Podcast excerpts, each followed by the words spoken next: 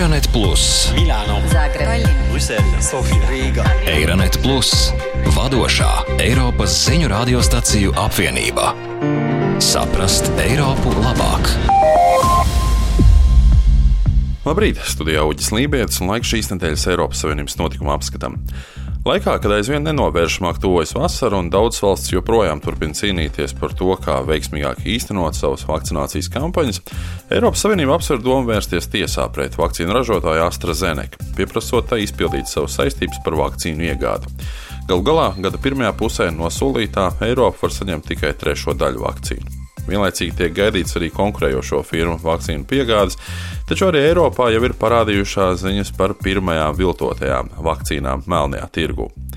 Bet mūsu nedēļas top 3 šoreiz par ierosinājumu veidot vienotu Eiropas veselības politiku, jauno Eiropas klimata likumu, kā arī ilgspējīgām investīcijām zaļajā ekonomikā. Ja, für mich ist klar, in dieser Krise noch mehr Šī krīze ir pierādījusi, ka šis ir globāls izaicinājums, bet Eiropas Savienība nebija pienācīgi sagatavota, lai uz to reaģētu. Veselības politika nebija Eiropas, bet gan dalību valstu kompetencē. Kad mēs runājam ar Pasaules veselības organizāciju, viņi vienmēr mums aizrāda, ka mēs neesam tikai vienots tirgus, bet gan ar tirgu ļoti cieši savstarpēji sasaistīts reģions. Nevar cerēt, ka vīruss ievēros kādas robežas. Ideālā gadījumā mums jau sen bija jābūt vienotai Eiropas pieejai karantīnu un citu ierobežojumu ieviešanā. Manuprāt, Eiropas komisijas prezidente Urzula Fonderleina ir pareizi pateikusi, ka pārrobežu veselības draudu gadījumā ir nepieciešama veselības politika, kas tiek labāk koordinēta nacionālajā, starpvaldību un arī Eiropas līmenī.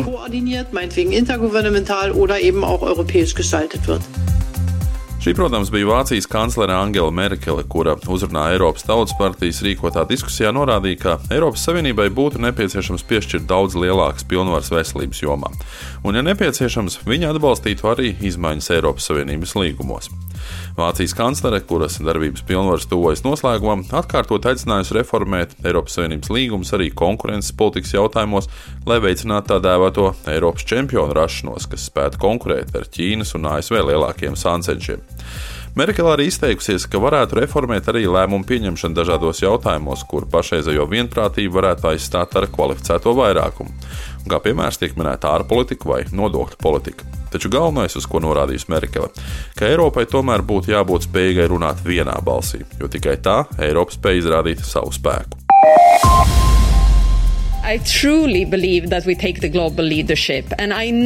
Es tiešām uzskatu, ka mēs uzņemamies globālā līdera lomu, un es zinu, ka Eiropas parlaments ir palīdzējis Eiropas Savienībai izrādīt šo līderību ASV samitā, jo mēs ne tikai pildām to, ko solījām pirms gada, bet arī uzlabojam to. Tagad mums ir likums, kas mums ļaus iet vēl tālāk un tālāk un tālāk. ASV nav mūsu lielais brālis klimata jautājumos, mēs esam lielais brālis vai lielā māsa. Šim likumam ir viņus jāiedrošina, jāizdara uz viņiem spiediens un jāpiespiež izpildīt savus solījumus, jo viņi tagad redz, ko esam sasnieguši mēs. Šīs nedēļas vidū tika panākta vienošanās par jauno Eiropas klimata aktu, kas faktiski nostiprina ar likumu Eiropas Savienības apņemšanos līdz 2050. gadam panākt klimata neutralitāti. Un, kā jau minēja Eiropas parlamenta ziņotāja Jūta Gutlanda, šajās dienās Eiropas Savienībai ar saviem jaunajiem un ambiciozajiem plāniem bija iespēja iepazīstināt arī citus globālos līderus, kurus zemes dienā uz sarunām bija aicinājis ASV prezidents Joe Bidenis vai no Eiropas Savienības motivēts, vai arī pildot priekšvēlēšanu solījumus, Baidens solījis līdz 2030. gadam par 50 līdz 52% samazināt kaitīgo izmešu apmērus salīdzinot ar 2005. gadu. Taču Eiropas komisijas viceprezidents Frans Timermans šodien atklāja, ka Eiropas Savienība pasargās sevi no tām valstīm, kurās trūkst pienācīga klimata aizsardzības likuma. Proti, ir plānots ieviest īpašu nodokli preču importam no šādām valstīm. Un, ja ASV prezidenta Baidena apņemšanās netiks iekļauta juridiski saistošos likumos, pie nodevām pakļautajām valstīm var pieskaitīt arī ASV. It will help companies and investors to identify and communicate about green activities across all sectors of the economy. Tā palīdzēs kompānijām un investoriem identificēt un sarunāties par zaļajām aktivitātēm visos ekonomikas sektoros. Tā radīs vienotu izpratni par to, ko ir nepieciešams paveikt, lai sasniegtu mūsu klimata mērķus, un tā kalpos par uzticamu pamatu, nosakot uzticamus standartus finanšu produktiem. Taksonomijas sistēma aptver 13 sektorus, ieskaitot atjaunojamo enerģiju, transportu, mežizstrādi, ražošanu un celtniecību, kas kopā veido gandrīz 80% no Eiropas Savienības siltumnīca efektu izraisošo gāzu emisijām. Jebkāda cīņa ar klimata pārmaiņām un jaunas tehnoloģijas šo mērķu sasniegšanai ir dārgas, un to atzīst arī Eiropas komisijas priekšsēdētājs izpildvietnieks Valdis Dombrovskis, iepazīstinot ar plašo un vērnīgo pasākumu paketi, kuras mērķis ir novirzīt naudas plūsmu uz ilgspējīgām darbībām visā Eiropas Savienībā. Pēc Dombrovska vārdiem, lai sasniegtu kaut vai 2030. gada kaitīgo izmešu samazināšanas mērķus, katru gadu būs nepieciešams papildus 350 miljārdu eiro lielas investīcijas. Eiropas Savienības taksonomijas deleģētā akta mērķis ir atbalstīt ilgspējīgas investīcijas, proti, padarīt uzskatāmāk to, kādas saimnieciskās darbības tad visvairāk sekmētu Eiropas Savienības vides mērķu sasniegšanu. Eiropas Savienības padome šonadēļ apstiprināja secinājumus par bloku stratēģiju sadarbībai Indijas un Klusā okeāna reģionā, kurās izklāstīja Eiropas Savienības nodomus pastiprināt savu strateģisko orientāciju, klātbūtni un arī darbību šajā reģionā. Starptautiskās politikas gravitācijas centrs virzās tieši uz Indijas klusā okeāna reģionu, un tādēļ arī Eiropas Savienībai ir svarīgi būt tur klātesošai. Tā uzskata Kārnegija domnīcas Dienvidāzijas programmas vecākais līdzstrādnieks un direktors Frederiks Grārs. Lai gan Eiropas Savienības un Indijas klusā okeāna reģiona stratēģijā Ķīna tieši nav minēta, ir skaidrs, ka bloka klātbūtnes palielināšanās reģionā var radīt vairāk spriedzes. Ar ekspertu Grāru sarunājās mans kolēģis Rihards Plūme. Eiropas Savienība pirmdien vienojās par jaunu stratēģiju, kuras mērķis ir attiecību stiprināšana ar Indijas klusā okeāna reģionu. Pirms runājam par pašu stratēģiju, vai jūs varētu raksturot to, cik aktīva Eiropas Savienība ir bijusi šajā reģionā un kādas ir tās attiecības ar reģiona valstīm? Well, the, uh,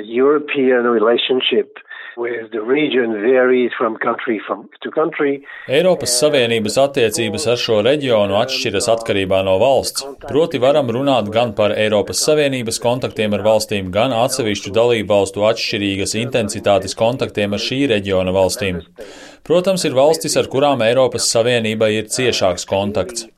Ja atceraties, 2018. gadā tika parakstīta ekonomiskās partnerības vienošanās ar Japānu un ir arī īpašas attiecības ar Indiju. Attiecības attīstās arī ar ASEAN, jeb Dienvidu Austrumāzijas valstu asociācijas valstīm un tā tālāk. Tātad kopumā Eiropas Savienība ir klātesoša un jāmin arī Eiropas Savienības Āzijas Savienojamības stratēģija, kas arī tika parakstīta 2018. gadā. Un šīs visas ir indikācijas par diezgan spēcīgām attiecībām ar Indijas klusā okeāna reģionu.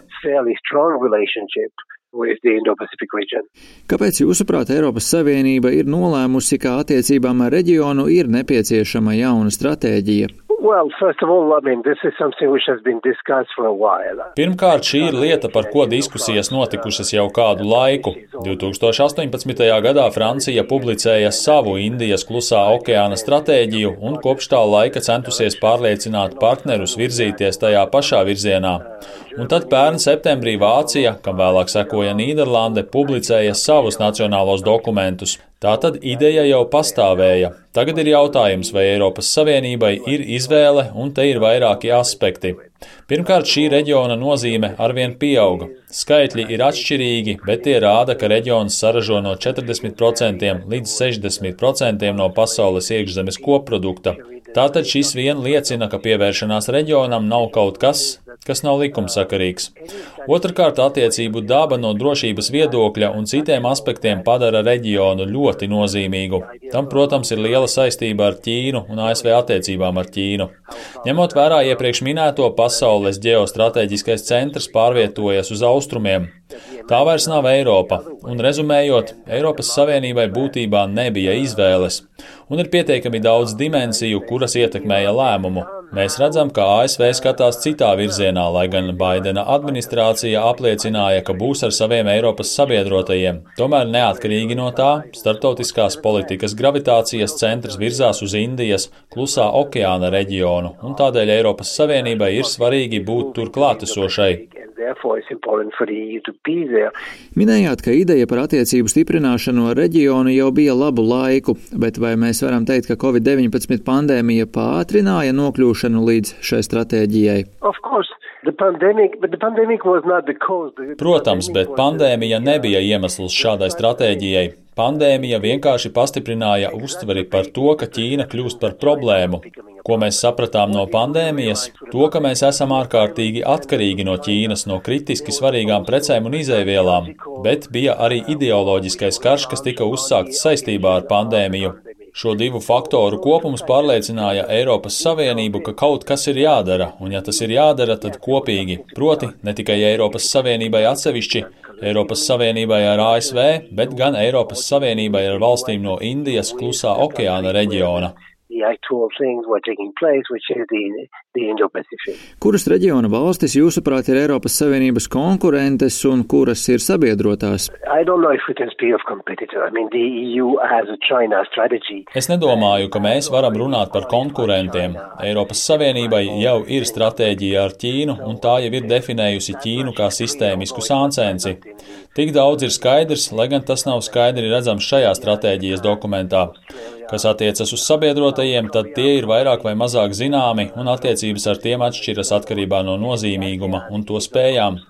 Es droši vien jūs nepārsteigšu, ja minēšu Indiju, Japānu, Austrāliju, Dienvidkoreju, Jaunzēlandi un ASEAN valstis, kas ir atslēgas reģions, kurā notiek cīņa par ietekmi. Eiropas Savienība vēlas palielināt savu klātbūtni jūrā šajā reģionā, lai aizsargātu arī tirdzniecības ceļus. Tas galvenokārt notiks sadarbojoties ar partneriem šajā reģionā. Vai šis solis ir nepieciešams un cik gatavas Eiropas Savienības dalībvalstis ir sūtīt savus spēkus uz šo tālo reģionu? Līdz šim Savienotās valstis ir bijušas galvenais rietumu pasaules spēks šī reģiona ūdeņos.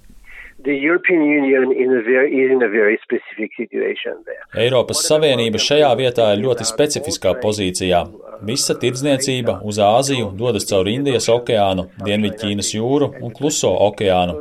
Tādēļ ir nepieciešamība radīt drošību šiem ceļiem, bet, protams, ne visām valstīm ir iespējas to darīt.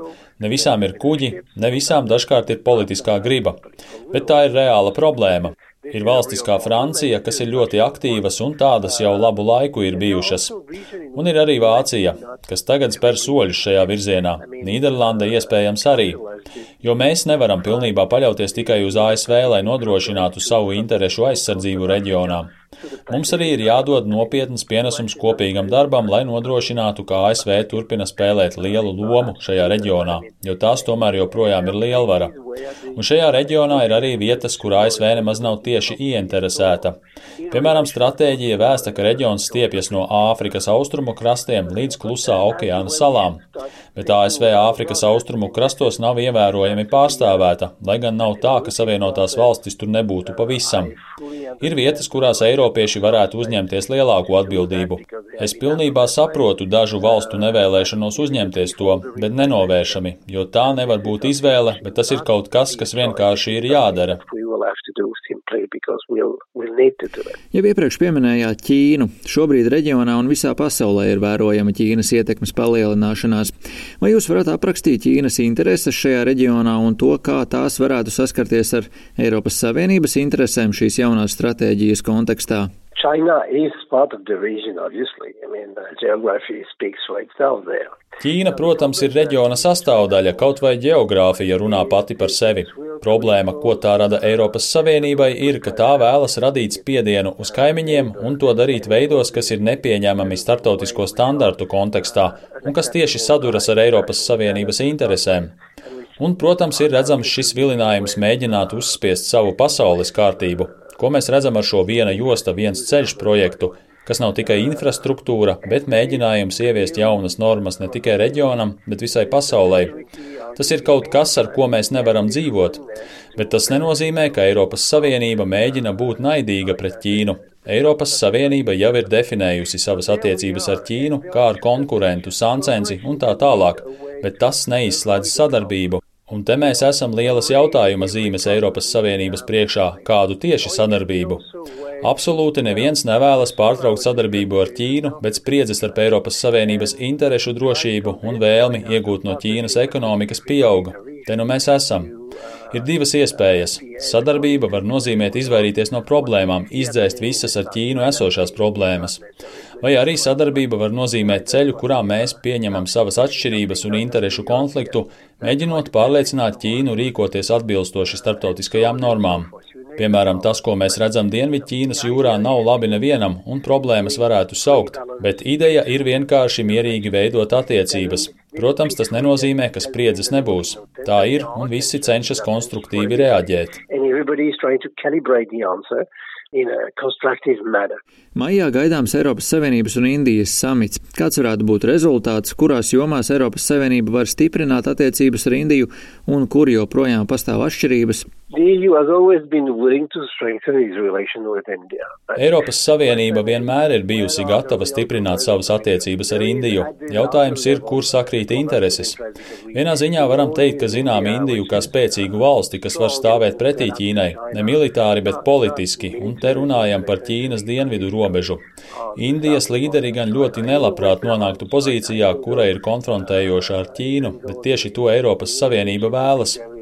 No otras puses, indieši vēlas vairāk investīciju, lai stiprinātu savu ekonomiku un vēlas vairāk sadarbības tehnoloģiju jomā. Viņi vēlas stiprināt ekonomiku, lai asimetrija starp viņiem un Ķīnu paliktu kontrolējama. Asimetrija ir un tā būs, bet tai būtu jābūt kontrolējamai. Pa vidu, protams, ir reālā Indijas ekonomika un realitāte attiecībā uz to, ko eiropieši ir gatavi darīt. Tādēļ pirms samita paliek atklāts jautājums, cik tālu abas puses ir gatavas iet, uz kādu kompromisu tās ir gatavas. Es pieļauju, ka mēs visdrīzāk neredzēsim iespaidīgus rezultātus, bet viens mazs solis labā virzienā tomēr ir viens mazs solis labā virzienā.